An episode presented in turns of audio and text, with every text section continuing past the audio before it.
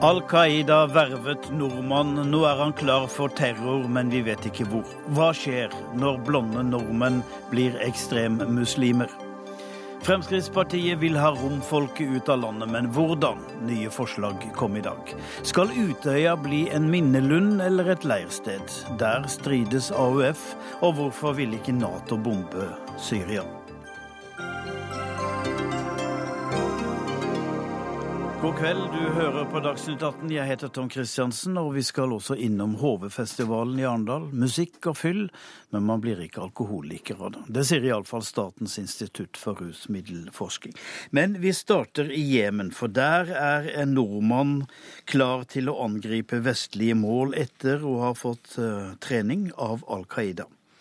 Det hevder tre europeiske etterretningstjenester, og tjenestemenn derfra bekrefter ifølge nyhetsbyrået Ap at mannen i 30-årene er operativ. Det betyr at han er, har fullført treningen, og at han er i ferd med å få tildelt et terrormål.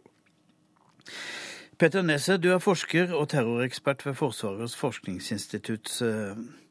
Hvor vanlig er dette? At etniske nordmenn, altså blonde nordmenn, eh, eller eh, i og for seg andre blonde europeere, blir eh, terrorister og radikaliseres, altså. Først vil jeg si at det er jo veldig vanlig at Al Qaida bruker folk som bor i Vesten, til å gjennomføre operasjoner i Vesten. Eh, det har vært på en måte et, et, kjent mønster ved terrorplott som har blitt avslørt i Europa i lang tid. Men i New York var det arabere? Ja, eh, altså Og så har tiden gått videre? Tiden har gått videre. Når, når det gjelder akkurat eh, konvertitter, eh, så er ikke det så vanlig, men det er heller ikke uvanlig. Eh, det er faktisk sånn at eh, det er flere konvertitter som har oppnådd nøkkelroller innenfor Al Qaida-nettverket. Og det er også eksempler på at konvertitter har ledet terrorceller som har operert i Europa. Bl.a. En, en celle som ble avslørt i 2007 i Tyskland, som ble ledet av en tysker som heter Fritz. Jan Oppsal, du er religionshistoriker ved Misjonshøgskolen i Stavanger. Hvem er disse konvertittene? Ja, Hvis vi tenker på konvertitter som, eh, eh som blir terrorister, ja. så skiller de seg fra eh, fra vanlige konvertitter til islam, som er et bredt spekter av befolkningen av menn og kvinner i ulike situasjoner. Men eh, eh, jeg ser to-tre eh, trekk ved de som blir terrorister, som er et meget lite mindretall. Og det ene er at de kan ha vært i en bitter konflikt med samfunnet de forlot før de, før de ble før de ble muslimer, og før de ble rekruttert til terrorisme. Og, og denne terroraktiviteten kan da være en, en hevn eller tilbakebetaling for en bitterhet som lå der før kon konverteringen. Så ser vi for det, eh, for det andre i eh, retorikken om at islam er under angrep, at eh, mange radikale muslimer ser på de stadige angrepene på islam gjennom media fra politikere som en form for krig mot islam og som da gjør det legitimt å ta igjen, slik at man ser på dette som en type forsvarsjihad.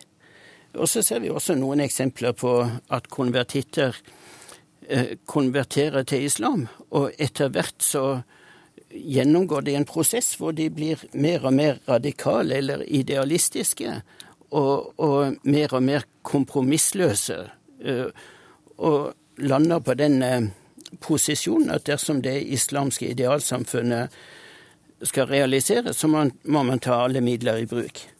Uh, Nesser, hvordan rekrutteres de? Blir de altså, først muslimer og så rekrutteres, eller hvordan skjer det? Snakker du om konvertitter spesielt nå? Eh, altså, Det som er eh, vanlig når det gjelder rekruttering til radikale islamistnettverk og Al Qaida, Eh, så er det jo sånn at, eh, at eh, personer gjerne kommer inn i et miljø. Enten det nå er et fysisk miljø eller at det er et miljø på nettet. Og så radikaliseres man gjerne sammen i, i, grupper. Og det gjelder jo enten du er konvertitt eller at du er opprinnelig eh, muslim.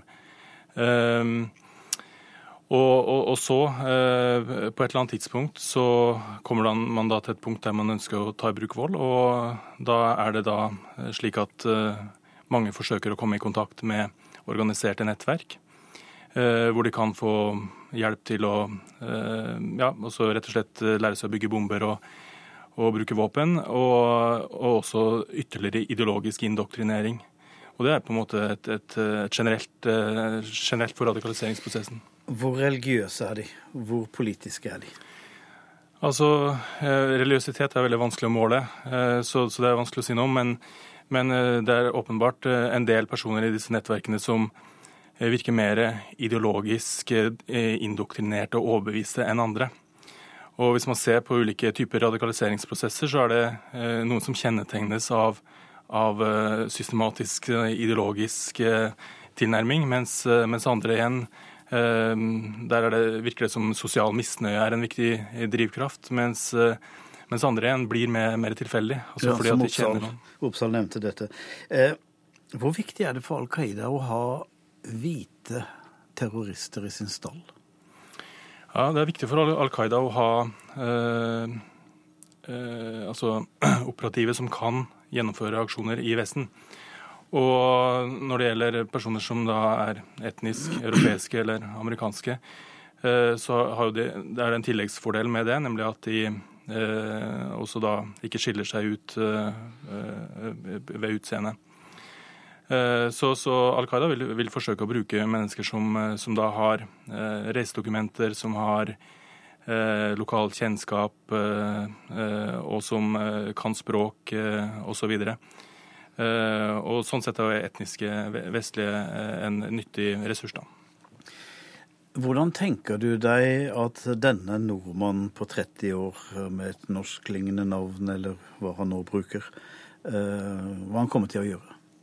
Hva slags type aksjon vil Al Qaida sette han til?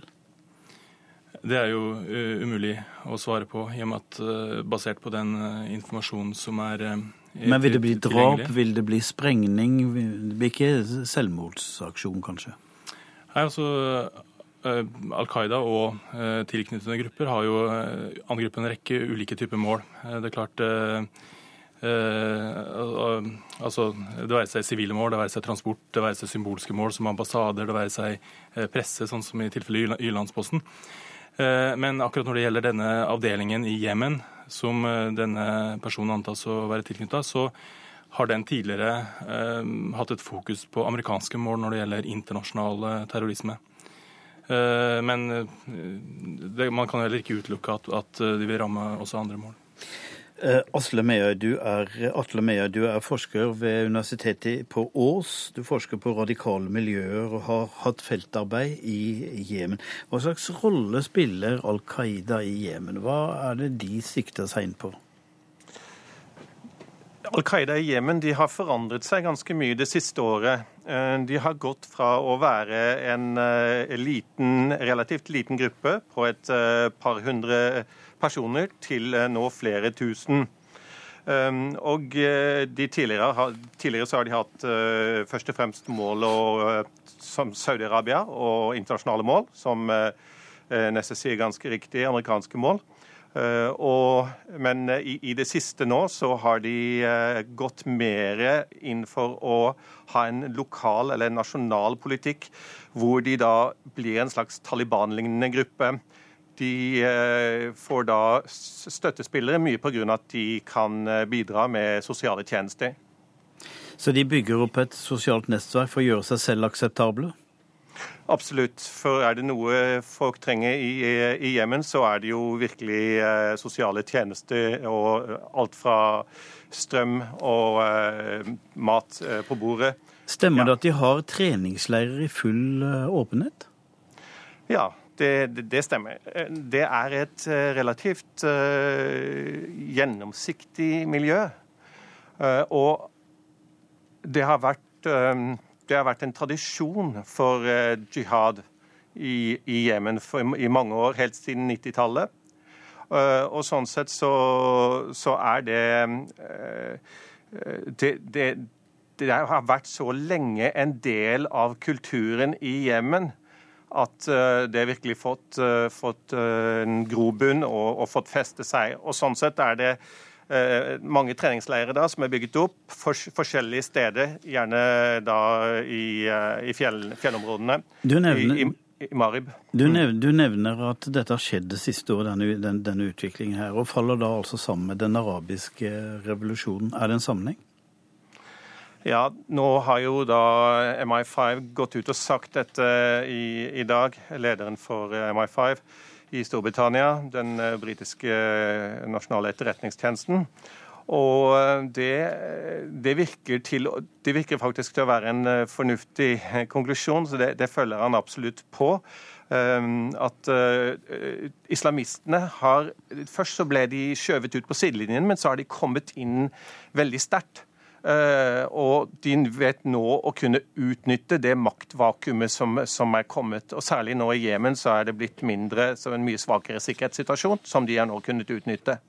Jan Oppsal, eh, hva tror du har foregått i hodet til denne 30 år gamle nordmannen? Hvorfor er han blitt terrorist, tror du?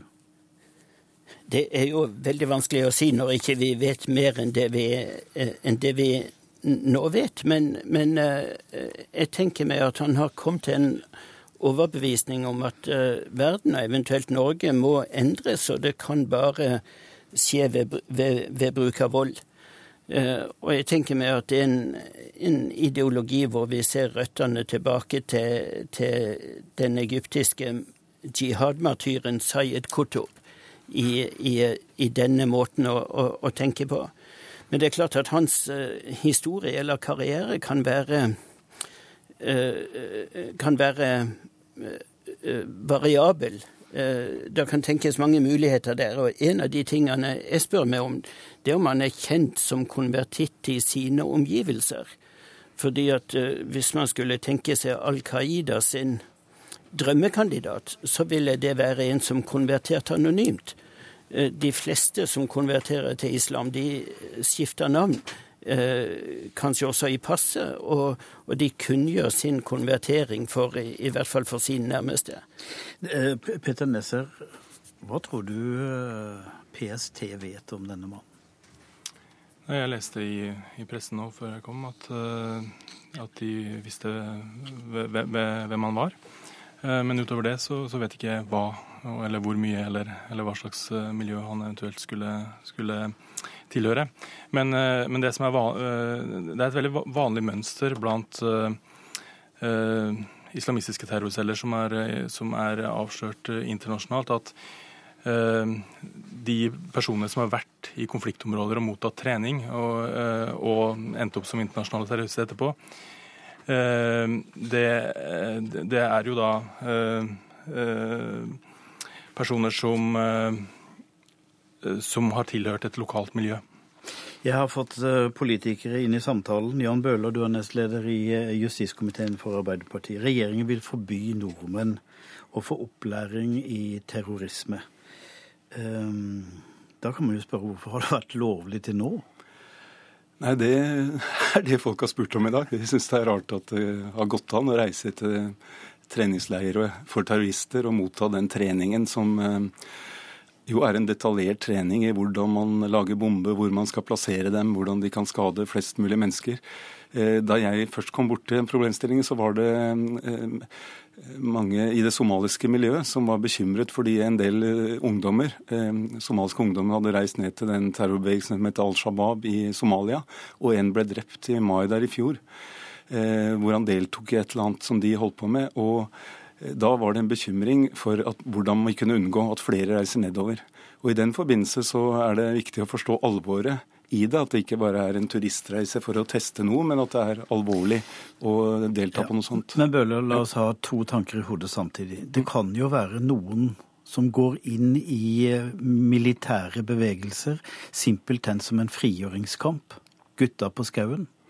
Ja, men her er det det som er definert som terroristorganisasjoner vi snakker om. Og, og, eh, det er jo ikke noe tvil om at det som eh, foregår i Jemen eller i eh, deler av områder i Afghanistan eller i Somalia, er det. Altså det er en terroristisk, voldelig ekstremistisk ideologi. Og de trenes til denne typen handlinger. Og det var da sånn at PST eh, sendte et brev til, Stortinget, nei, til Justisdepartementet i eh, november i fjor, hvor de eh, ba om regulering, eh, lovregulering av en del forhold som var, hadde utspring i at vi må beskytte oss bedre mot soloterrorister. Og En av tingene er da at de reiste til sånne treningsleirer. Ta på deg øretelefonene, Bøhler, for der vil du høre Per Sandberg, som er leder av din justiskomité, Fremskrittspartiet, eh, som sitter langt fra studio. Eh, det kommer altså et forslag om å, å forby nordmenn å få opplæring i terrorisme. Er det nok, Per Sandberg? Nei, jeg håper da endelig at uh, det kommer mer ut av den prosessen som vi er inne i nå. Uh, det er jo ikke noe ukjent at Jan Bøhler og Arbeiderpartiet har, og PST har fremma et ønske om den type lovregulering. Eh, men jeg ser Som du støtter? Blir, ja, altså jeg, vil, jeg, ser på alle lovendringer og innstramninger i forhold til å bekjempe og forebygge i forhold til organisert kriminalitet og terror. Men spørsmålet er hvilke lover vi tror mest på. da, og Da stiller jeg spørsmålstegn ved hvorvidt at en sånn lov i forhold til å forby enkeltpersoner å reise til utvalgte land for å delta på trening osv. Eh, da stiller jeg meg spørsmål hvor store ressurser skal vi stille disponibelt for å kontrollere, overvåke og etterforske den type saker. Eh, det som er viktig Ja, Du, du spør, og jeg spør tilbake. Ja, for det, det alene blir jo helt umulig. Eh, og som det også pekes på i studio her, det kan jo være at det andre Eh, motiva motivasjoner som gjør at man reiser på den type aktiviteter også. Men hvis man i hele tatt skal ha et slikt lovverk, så må man ha eh, annen type lovverk i tillegg. og Det betyr at eh, PST og etterretning, samarbeid med allierte eh, utover landegrensene, må styrkes betydelig. Eh, og så må Og videre fullmakter? Ja, også videre fullmakter. Det var det jeg skulle avslutte med her nå. og Det har Fremskrittspartiet foreslått i Stortinget. Dessverre så har det blitt nedstemt i første runde. Men jeg har sterk tiltro til at Jan Bøhler og Arbeiderpartiet nå slutter seg til også de forslagene som Fremskrittspartiet fremma i forbindelse med organisert kriminalitet, og nå behandla datalagringsdirektivet i Stortinget. Det betyr at eh, PST og etterretning i mye større grad får verktøy for å gå inn eh, overvåke, infiltrere og etterforske når det er soloterrorisme på gang på Jan Bøhler, vil dere? Ja, altså Den innstillingen som kom fra 22.07-komiteen på Stortinget, den var jo enstemmig. Og Der er jo eh, uttrykkes det bekymring for lovgivningen, uh, bl.a. når det gjelder soloterrorister. og Da inne, innebefatter det flere tiltak, uh, som Per også nå var inne på. Og bekymring for lovgivningen når det gjelder opphold i treningsleirer for terrorister, som vi snakker om i dag. Og så viste vi til at eh, PST har sendt dette brevet som de sendte i november i fjor, hvor de trekker opp jo eh, mange flere problemstillinger om soloterrorister enn deltakelse i treningsleire. Og vi, vi, sier at vi ser fram til den høringen som nå kommer om dette lovforslaget. Så det vil jo være andre elementer som må også iverksettes for å kunne eh, ta disse soloterroristene. Bl.a. at man ikke må bevise at de har inngått et forbund, altså et nettverk, for å kunne dømme dem for terrorisme. I dag så må du påvise et forbund av flere personer. Mens eh, det vi har sett i de senere årene i Europa, er at eh, vi kan stå for soloterrorister, som vi har sett her i Norge, og som holder seg for seg selv, forbereder seg gjennom mange år og kan gjøre forferdelige ting, selv om de ikke er i et forbund som kan eh, bevises i en rettssal. Sandberg, dette er et vanskelig landskap hvor du plutselig kan krenke rettsstatens prinsipper? Ja, det er veldig vanskelig å bevege seg. Men det som er helt sikkert, det er at Jan Bøhler er enig om det siste som Jan Bøhler her drar opp. Eh, at vi må finne verktøy for å ta soloterrorister. For det er jo den retningen man går. Det har PST vært klar på sine, i sine åpne trusselvurderinger i de siste årene. Men så er det klart at uh, man, man, må gå videre utover det som har med politi og etterretning å gjøre også. Vi kjenner jo til at Global Shield, altså et eh, utvida tollsamarbeid, som har gitt bekymringsmeldinger både til, til Norge og myndighetene i andre land i forhold til mistanke eller bekymringsmeldinger tilbakemeldinger rundt omkring enkeltpersoner som enten har handla artikler som alene eller sammen med andre artikler kan føre til eh, produksjon av bomber osv. Så, videre. så her er samarbeidet mellom politi, toll, eh, internasjonalt samarbeid må jo styrkes i mye større grad. Atle med seg. Derfor, derfor, derfor jeg stiller spørsmål, ja, spørsmålet ved hvorvidt vi skal bruke ressurser. Tid, vi har ikke så mye mer tid, så Atle Meseid, du får siste ordet. Ja, takk. Eh, det, det, som er vesentlig i forhold til et land som Jemen, hvor det er eh, personer som blir eh, sendt ut som levende bomber, det er selvfølgelig meget strenge sikkerhetstiltak og god internasjonal koordinering. Men det er også å tenke mer langsiktig og bygge sosiale strukturer, politiske strukturer, i, i landet. For det, det som Al Qaida nå tjener på, det er rett og slett den store delen av ungdom som, har, som, ikke har noe mål, ikke har noe mening med livet. Og de blir betalt en, en, en uh, veldig lav sum, rett og slett bare for, for å bli med og, og, få fylt livet sitt med en mening. Da sier jeg takk til forskerne Petter Nesser, Atle Mesøy og Jan Oppsal, og Jan Bøhler fra Arbeiderpartiet og Per Sandberg fra Fremskrittspartiet. Hør Dagsnytt 18 når du vil, på nettradio eller som podkast. nrk.no – dagsnytt 18.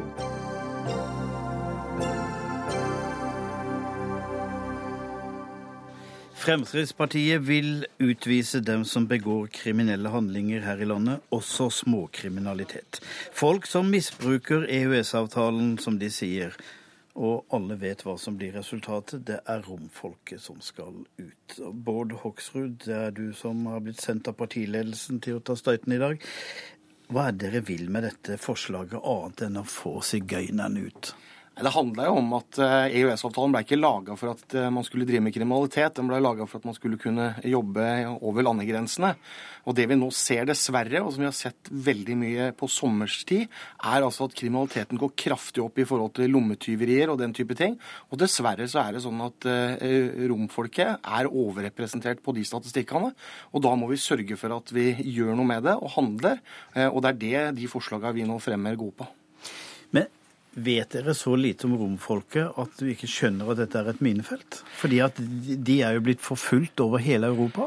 Jo, men Poenget er at det handler ikke bare om romfolket, men det handler om at vi må tørre å si at eh, de er overrepresentert i forhold til en del av den problematikken, sammen med også andre bander fra østeuropeiske land og Polen. Og det er politiet som sier at disse er overrepresentert. Og da må vi jo ta tak i de Eh, gruppene som da er overrepresentert, og som utgjør da og driver med mye kriminalitet, som rammer mange mennesker. Og de kan ikke få lov å fortsette å holde på på den måten der. Og jeg syns politiet er også veldig tydelig på at dette må man gjøre noe med. Kari Helene Patapoli, du er leder for Antirasistisk Senter. Du hører dette. Jeg tenker som så at det finnes mange østeuropeiske gjenger som kommer hit og driver med kriminalitet. Dette er et eh, opplegg, et forslag, som kan rette seg mot det. Men sånn ser ikke du det. Det, jo, det, gjøres jo eh, godt politiarbeid når det gjelder å forebygge organisert kriminalitet som ikke eh, bryter med en rettferdig eh, rettsoppfattelse her. Altså Her vil det jo da være en annen lovgivning for samme kriminalitet når det er østeuropeiske borgere som begår den. Og dette går ikke, fordi det svekker hele eh, beskyttelsen for, for, alle, faktisk. Og det, det begynner, begynner, man å rokke ved rettsprinsippene våre, og det er, det er veldig farlig. Så det er veldig prinsippløst, for det første, det som kommer fra Fremskrittspartiet her. Og så gjelder, Når det gjelder rombefolkningen, så kommer det vel litt forskjellige signaler fra politiet. fordi at uh, Politiet sier jo også at de aller fleste ikke driver med kriminalitet. Og, og de store historiene om bakmenn osv. er jo faktisk ganske overdrevet, og er en del historier som går i media. Det finnes bakmenn, det finnes organisert kriminalitet uh, blant rombefolkningen også, og de er også sårbare for utnyttelse. Men det aller største, det de aller aller, aller fleste driver med, det er lovlig tigging, det er å samle flasker. Så opplever de i tillegg til uh, altså det fornedrelsen det er å leve i så fattige kår at man faktisk i mange tilfeller i flere butikker i Oslo ikke får lov til å levere flaskene sine. Man opplever eh, at man ikke får adgang til offentlige toaletter. Man opplever faktisk ganske mye eh, usaklig diskriminering her i Norge.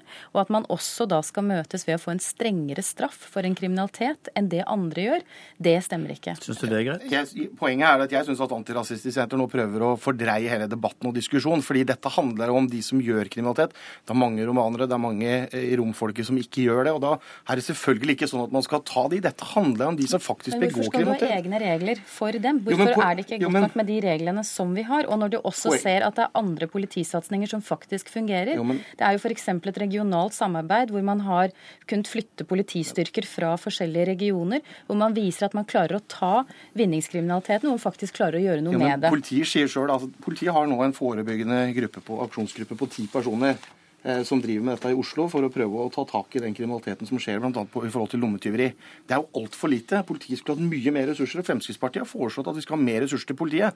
Men det kan jo ikke være sånn Men at folk skal li- komme hit og bare drive med kriminalitet. Nei, men det som ligger i bunnen her, er er at, at Fremskrittspartiet foreslår noe som er forskjellig for uansett etter Nei, men- passet. Hvis, men, men- du, hvis du har feil pass, så får du en annen straff. Nei, poenget er det at denne, denne gruppa her, altså de menneskene som det her gjelder, og de Fremskrittspartiet er ute etter å ta, det er de som kun driver med kriminalitet.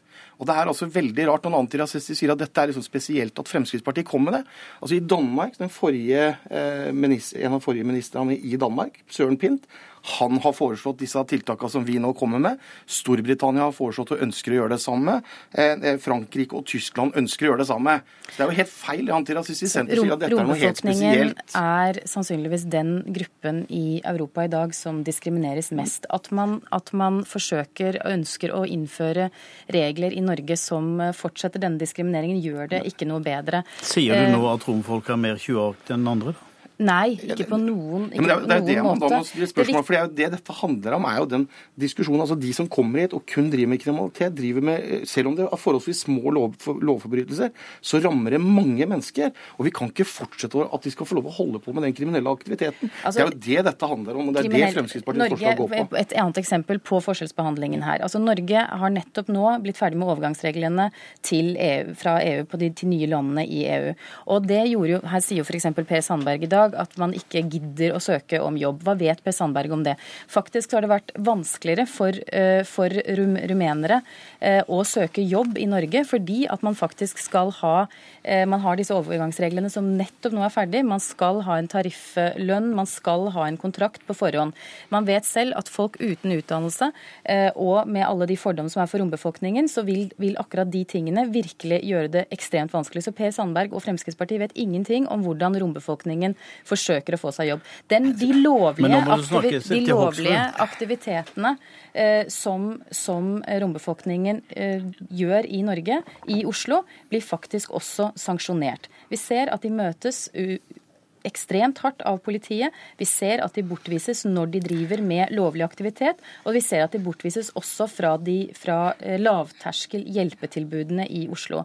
Det å bare kaste seg på en bølge med fordommer om at her er det kriminelle handlinger, når det stort sett er passiv tigging og lovlig aktivitet som foregår, det er rett og slett for billig poeng, og jeg tror ikke folk biter på det. Poenget er jo det at når du, når du påstår det at dette handler om billig retorikk, og at ikke vi har satt oss inn i det problematikken, ingenting, det er jo bare tull.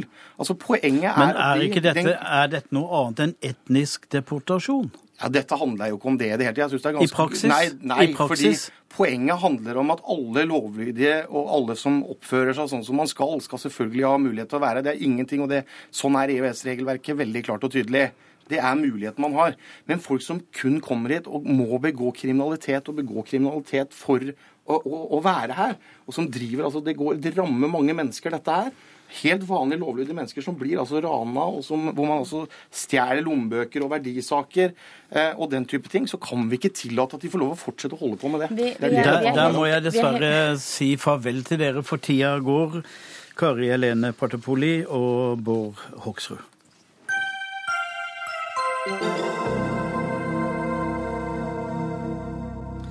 Nato fordømte i dag Syrias nedskyting av et tyrkisk fly sist fredag.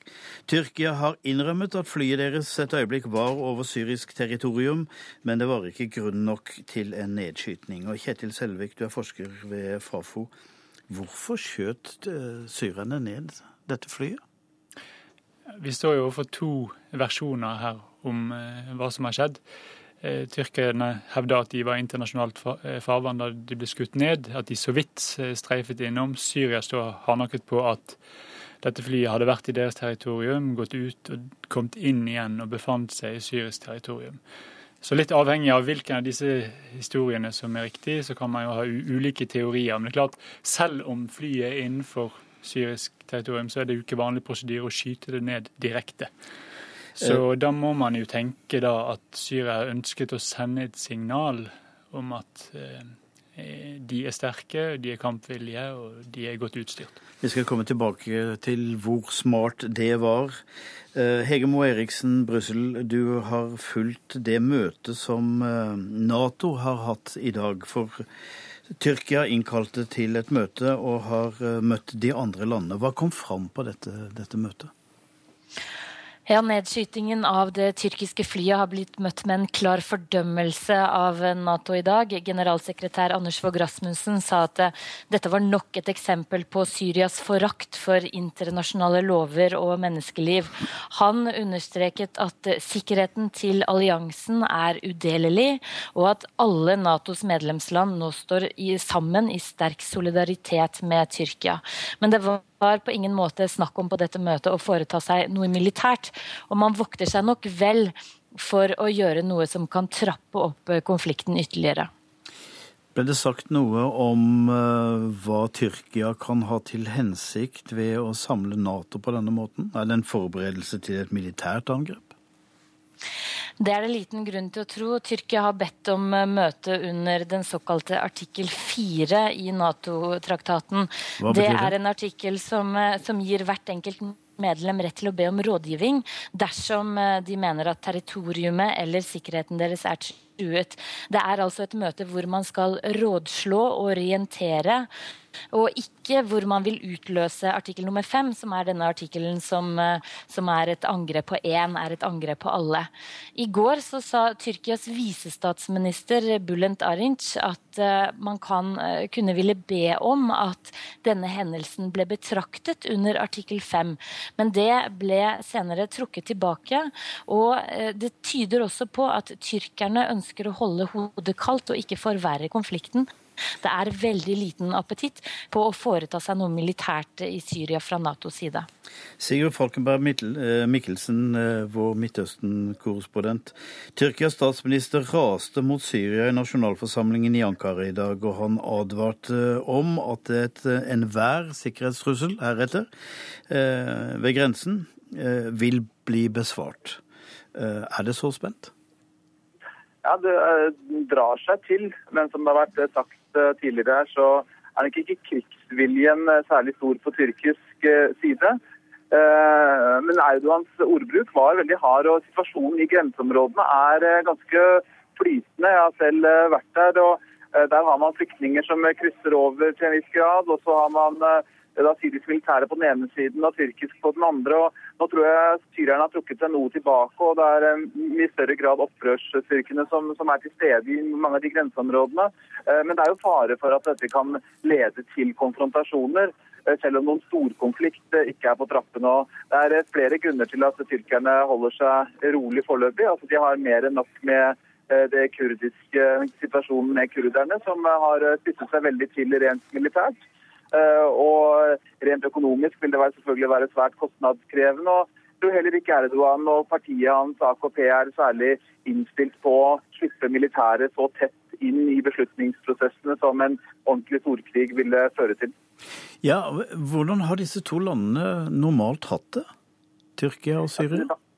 Det har gått i, i bølger. Det var eh, svært fiendtlig inntil for et eh, par år siden. Og så satte jo da Tyrkia i gang med sin uh, nullproblems eh, utenrikspolitikk med nabolandene. og eh, og det ble veldig mye bedre. Det ble åpnet eh, for handel, ikke visum. Og Erdogan etablerte jo et nært forhold personlig til Bashar al-Assad. Og han trodde vel at han hadde mer innflytelse over Assad enn han viste seg å ha. Og han oppfordret jo hele veien til, til reformer og, og, ble da ikke hørt i Damaskus. Og så snudde det drastisk for et år siden. Eh, og Erdogan har blitt eh, Assads eh, fremste kritiker i regionen. Men igjen altså mye ordbruk, men ikke så veldig mye gester. Annet enn da at deler av det tyrkiske grenseområdet brukes jo ganske aktivt av både opprørsherren og flyktninger. Selvik, når man skyter ned et fly og er i en situasjon som Syria er nå, så skulle man jo kanskje tro at det var det motsatte som skulle skje. At man eh, forsøkte å roe ting ned. Eh, og da må jeg nesten spørre deg igjen hvorfor dette skjedde. Eh, de har for så vidt forsøkt å roe det ned i etterkant av at de skjøt ned flyet. De har, begge parter har egentlig prøvd Er det en tabbe? Kan det være en tabbe? Det kan være en tabbe, men selv om jeg har litt vanskelig for å se for meg hvem som påtar seg å trykke på avtrekkeren uten å ha avklart det med Syrias president. Jeg tror en mulighet som vi må ta inn over oss her, som er altså Den syriske mistanken, en, en, teori som har versert, er at det faktisk var et rekognoseringsfly som faktisk var i ferd med å, med å prøve å kartlegge kanskje regimets forflytninger langs kysten. Eh, for da, i hvert fall i sy syrisk versjon, vil være hensikten er å gi denne informasjonen til våre motstandere, motstandere opprørerne. Og dermed, i den, den sinnstilstemningen som eh, Syria befinner seg nå, at nå er det krig på liv og død, nå skal vi benytte alle midler for å slå dette ned, så blir selv dette mulig.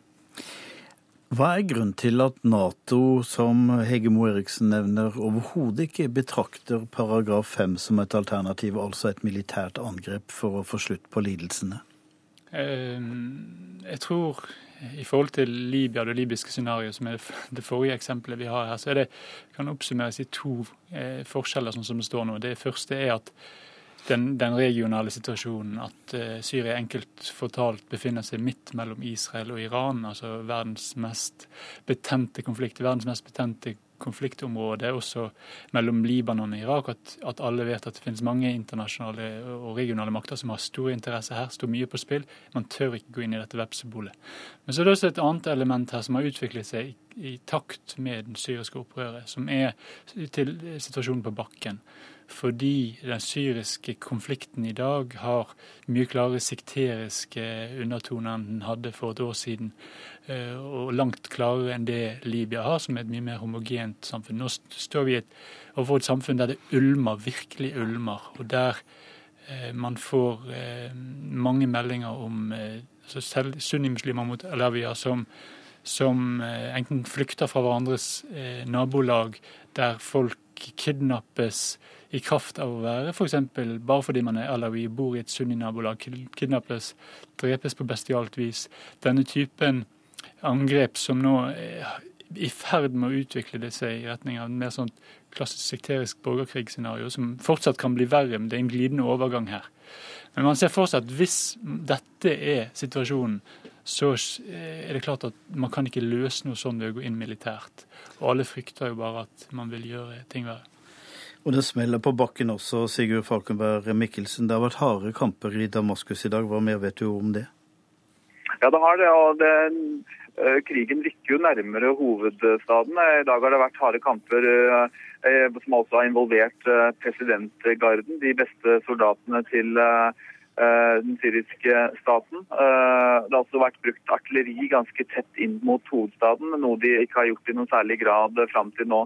Eh, samtidig som da Homs og Idli-provinsene er urolige. sånn at eh, det vi har sett er at kampene nå foregår stort sett eh, om ikke over hele Syria, så er det ikke så langt unna. Det er ofte små, spredte geriljaangrep som, som, så roer seg ned. Men hele landet er nå urolig og i fare for å og, og blir rammet da, av forskjellige voldshandlinger. Litt annerledes enn det var tidligere, hvor det var mye mer sentrert rundt eh, de opprørsbyene, da, i særlig grad eh, Homs og Idlib-provinsen. Selvik, hvordan vil du beskrive denne krigen? Eh, grusom. Ingen front? Gerilja? Altså, prøve å beskrive Jo, det er fronter, det er klare fronter. Men det er fortsatt mulig å identifisere en front mellom opposisjonen og regimet. Det gir fortsatt mening. Men så er det klart at det er en klarere og klarere front mellom sunnimuslimer og alawier som de to hovedpartene her, som blir en mer horisontal uh, konflikt. Men jeg tror problemet nå, også som gjør at Annan-planen på ikke kommer videre her, er at uh, for å få en, komme ut av dette, så må man det må være en situasjon der partene har virkelig slått seg fast militært. Man har kjørt seg fast militært. Jeg tror det er fortsatt en følelse her at begge parter tror de kan nedkjempe den andre militært. Regimet fordi det er bedre utstyrt, fordi det har støtte utenfra, det har fortsatt våpen og penger. Eh, opposisjonen bare fordi den tenker at vi er flest, til slutt vil vi seire. I tillegg så får den da også eh, støtte utenfra i en, i en uviss eh, grad. Og Så lenge dette fortsatt at partene tror at det er mulig å vinne, så er det veldig vanskelig å få til noe politisk. Det er kanskje ikke en tilstrekkelig vilje til å, å, å ta tak i det. Og, og, da får man også en en situasjon der det som begynte som en politisk konflikt, regime mot samfunn, glir over i denne samfunnsetnisk konfliktvarianten, der det blir verre og verre. Der frykt er den, selvfølgelig den første drivkraften. Frykten for å miste sitt eget liv. For at din egen, Du kan bli bondefanget. Hvis ikke du dreper, så blir du drept. Din familie blir drept. Den type fryktmekanisme. Og også selvfølgelig motiver som har med hevn å gjøre. Eh, Falkenberg Mikkelsen, du har vært i Syria. Du har sett hvordan denne beskrivelsen ser ut i virkeligheten. Og det er jo sivilbefolkningen som betaler regninga. Uh, de sivile har det ekstremt tøft, da, særlig de områdene hvor krigshandlingene har vært hardest. Grensen mot Tyrkia, grensen mot Libanon, eh, hvor folk har kommet over eh, og lever både svært kummerlig, men også vært utsatt for svært, svært brutale overgrep. Og dette er jo også en konflikt som på mange måter et, har blitt slått ned militært, men også av sikkerhetspolitiet. Sånn at Fengslene er jo fulle av mennesker. Det er utstrakt bruk av tortur og en eh, gradvis brutalisering av konflikten, som da rammer mer og mer altså begge sider. Eh, men ennå så er det regimet som står for brorparten av eh, overgrepene. Og vi ser også i mange av områdene hvor, hvor kampene har vært hardest, at det går veldig hardt utover enkeltmenneskers boliger og, og, muligheten til å overleve. Og Det gjør at flyktningstrømmene har vært ganske konstant, om enn ikke voldsom i, i antall det siste, det siste året. Da sier jeg takk til korrespondentene Sigurd Falkenberg Mikkelsen og Hegemo Eriksen, og til deg, Kjetil Selvik fra Fafo.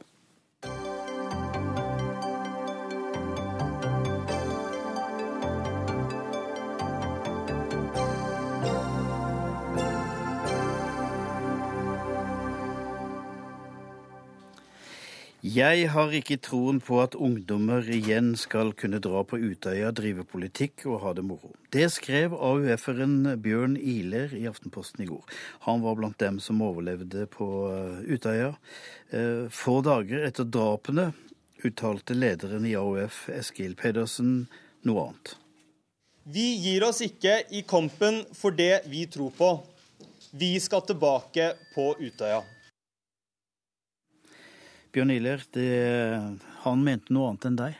Ja, det gjorde han. Eller eh, gjorde han egentlig det? Det er, eh, sånn jeg ser det, et spørsmål om å ta det faktiske stedet Utøya tilbake, eller å ta leirsituasjonen AUF hadde tilbake. For jeg mener for all del at vi må kunne ha sommerleire igjen. Eh, vi må kunne drive med politikk. Vi må kunne eh, ha de festlige arrangementene vi har hatt tidligere, men kanskje ikke på det som har blitt åsted for en massakre. Men eh, først skrev du en kronikk i Aftenposten, ja. og så tok du ikke telefonen, hadde jeg nær sagt. Altså, det, det var ikke noe mer. Og så stiller du i dag til debatt. Hvorfor gjør du det? Eh, jeg hadde egentlig tatt sommerferie fra pressen, eh, men valgte å stille tilbake i dag fordi at eh, i løpet av dagen i dag har jeg fått en mengde med e-post fra folk som er foreldre eller på andre vis i slekt med folk som omkom på Utøya. Hva sier de? En av disse var søsteren til en av de som døde, storesøsteren. Og hun skrev en lang og rørende e-post om det å skulle se at andre har sommerleir, at andre ligger i bikini og soler seg der søsteren falt død om. Eh, og, den e-posten eh, rørte meg og eh, fikk meg til å innse at dette er faktisk en sak som er så alvorlig at den ikke lar seg ta sommerferie fra. Elin Lestrange, du er leder i AUF Akershus. Det er jo en ganske kraftig beskjed. Det er noe å tenke på. Eh, nå vil jeg bare understreke at jeg er ikke leder i AUF i Akershus nå. Nå er jeg en av de som var på Utøya, eh, og medlem av eh, det landsstyret i AUF som har diskutert dette lenge.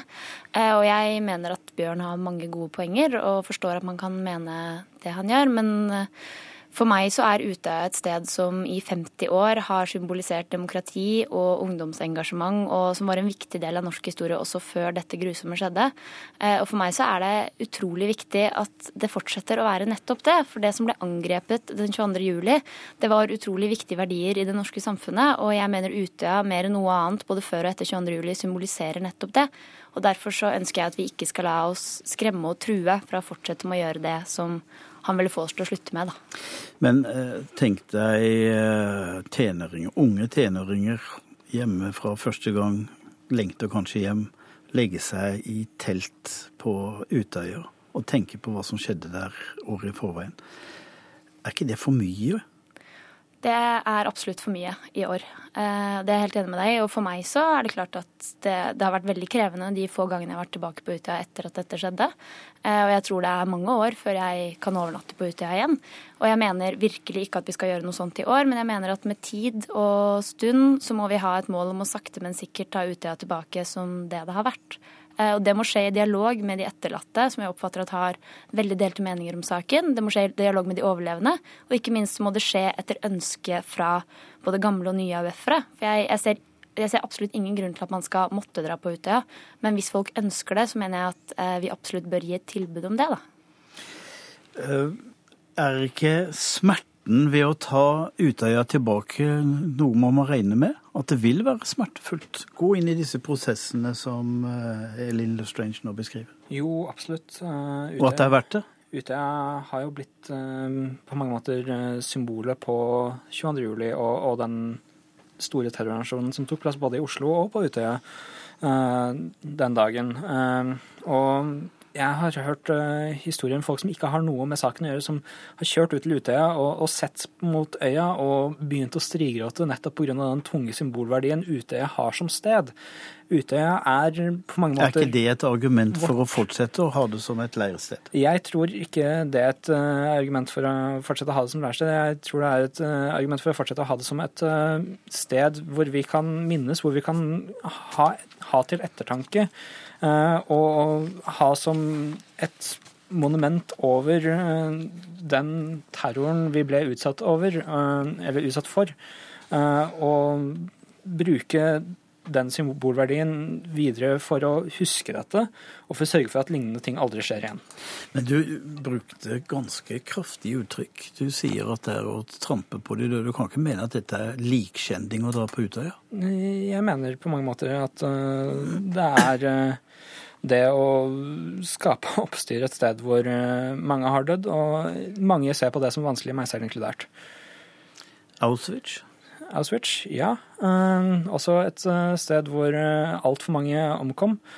Den referansen Du kan ikke sammenligne Utøya med Auschwitz? Mm, på mange måter kan man jo det. Det var et åsted for massedrap.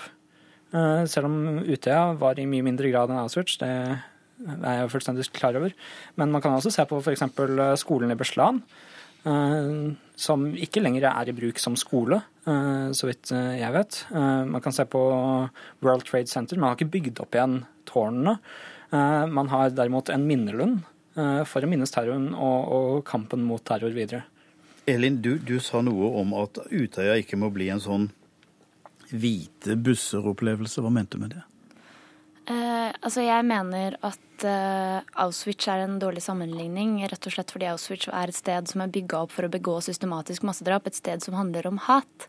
Mens Utøya var et sted før som handla om ungdom som bruker demokratiet, som uh, er engasjert, som bruker sommeren sin på å stille statsministeren til veggs uh, for det de tror på. Og da mener jeg at når noe sånt blir revet ned, så bør vi prøve å bygge det opp igjen. og så skal det selvfølgelig ta tid, men jeg mener at Utøya var noe vakkert i utgangspunktet. Og da er det desto viktigere at vi prøver å få det til å bli noe vakkert igjen. Uten at vi av den grunn skal glemme det grusomme som skjedde der. Det kommer vi jo selvfølgelig aldri til å gjøre.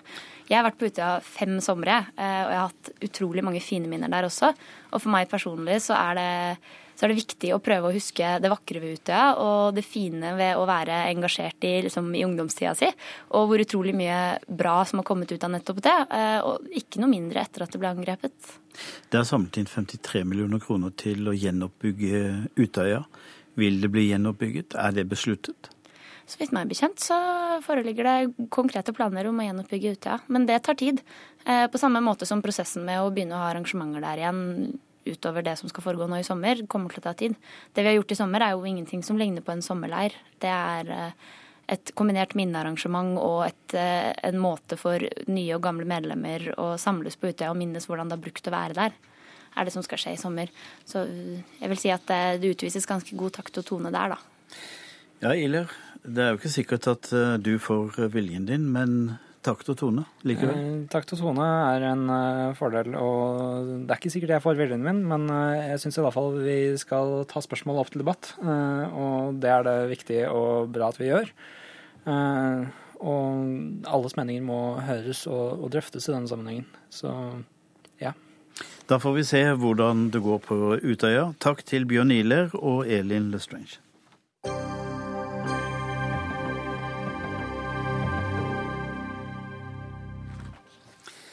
Teltene står tett på Tromøya. Hovefestivalen starter i dag. Det blir mye musikk, men altså for noen enda mer fyll. 10 000 ungdommer har tatt seg til Sørlandets mest kjente turistattraksjon etter apekatten Julius, eh, Hovefestivalen. Joakim Lund, du er kommentator i Aftenposten. Du skriver at Hovefestivalen må få det ryktet den fortjener. Hva mener du med det? Jeg mener vel at HV-festivalen er mye mer enn det mange forbinder med den.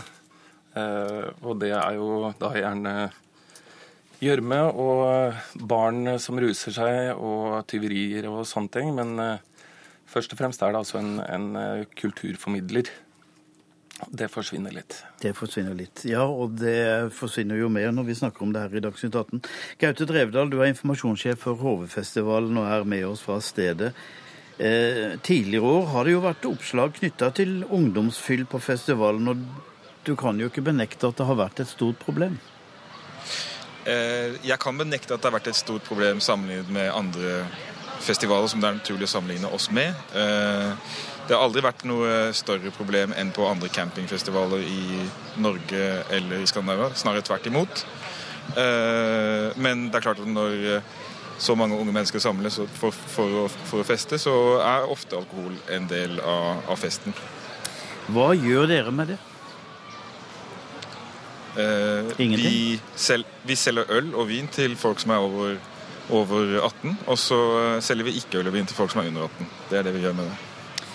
Eh, men vi har jo sett, eh, har jo sett en del altså Gjørma er nå én ting, det er Vår Herre som tar seg av. Men når, når, ambulansene går i skytteltrafikk for å sende ungdom eh, og barn for å bli pumpa på sykehuset, så er jo ikke det noe god reklame for festivalen, og heller ikke for norsk musikk. Ja, nå har ikke, Så vidt meg bekjent så er ikke det noe som uh, har skjedd på, på, ganske så lenge. Og jeg kan faktisk ikke huske at det har skjedd, selv om jeg observerte at det ble skrevet her.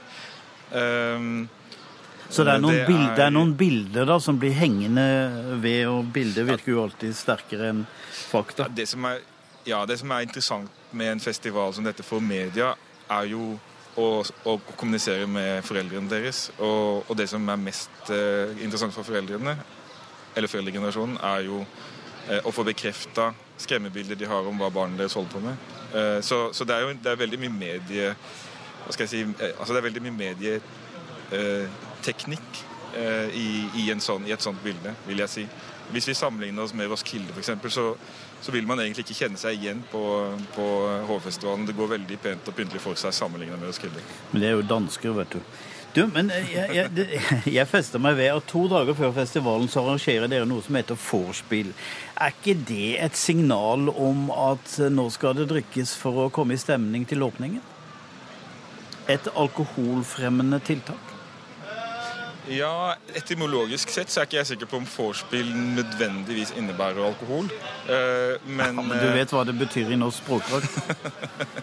vorspiel er uh, Det er iallfall en veldig hyggelig fest. Uh, vi hadde bortimot 10 000 mennesker her foran Sirkus Eliassen på avslutningen i går. Og det å se en helt ny generasjon, altså det å se en ung generasjon nordmenn samles over hele landet og synge med på samme, samme nordnorske vers, det er noe som styrker det er noe som styrker Norge som nasjon, rett og slett, vil jeg påstå.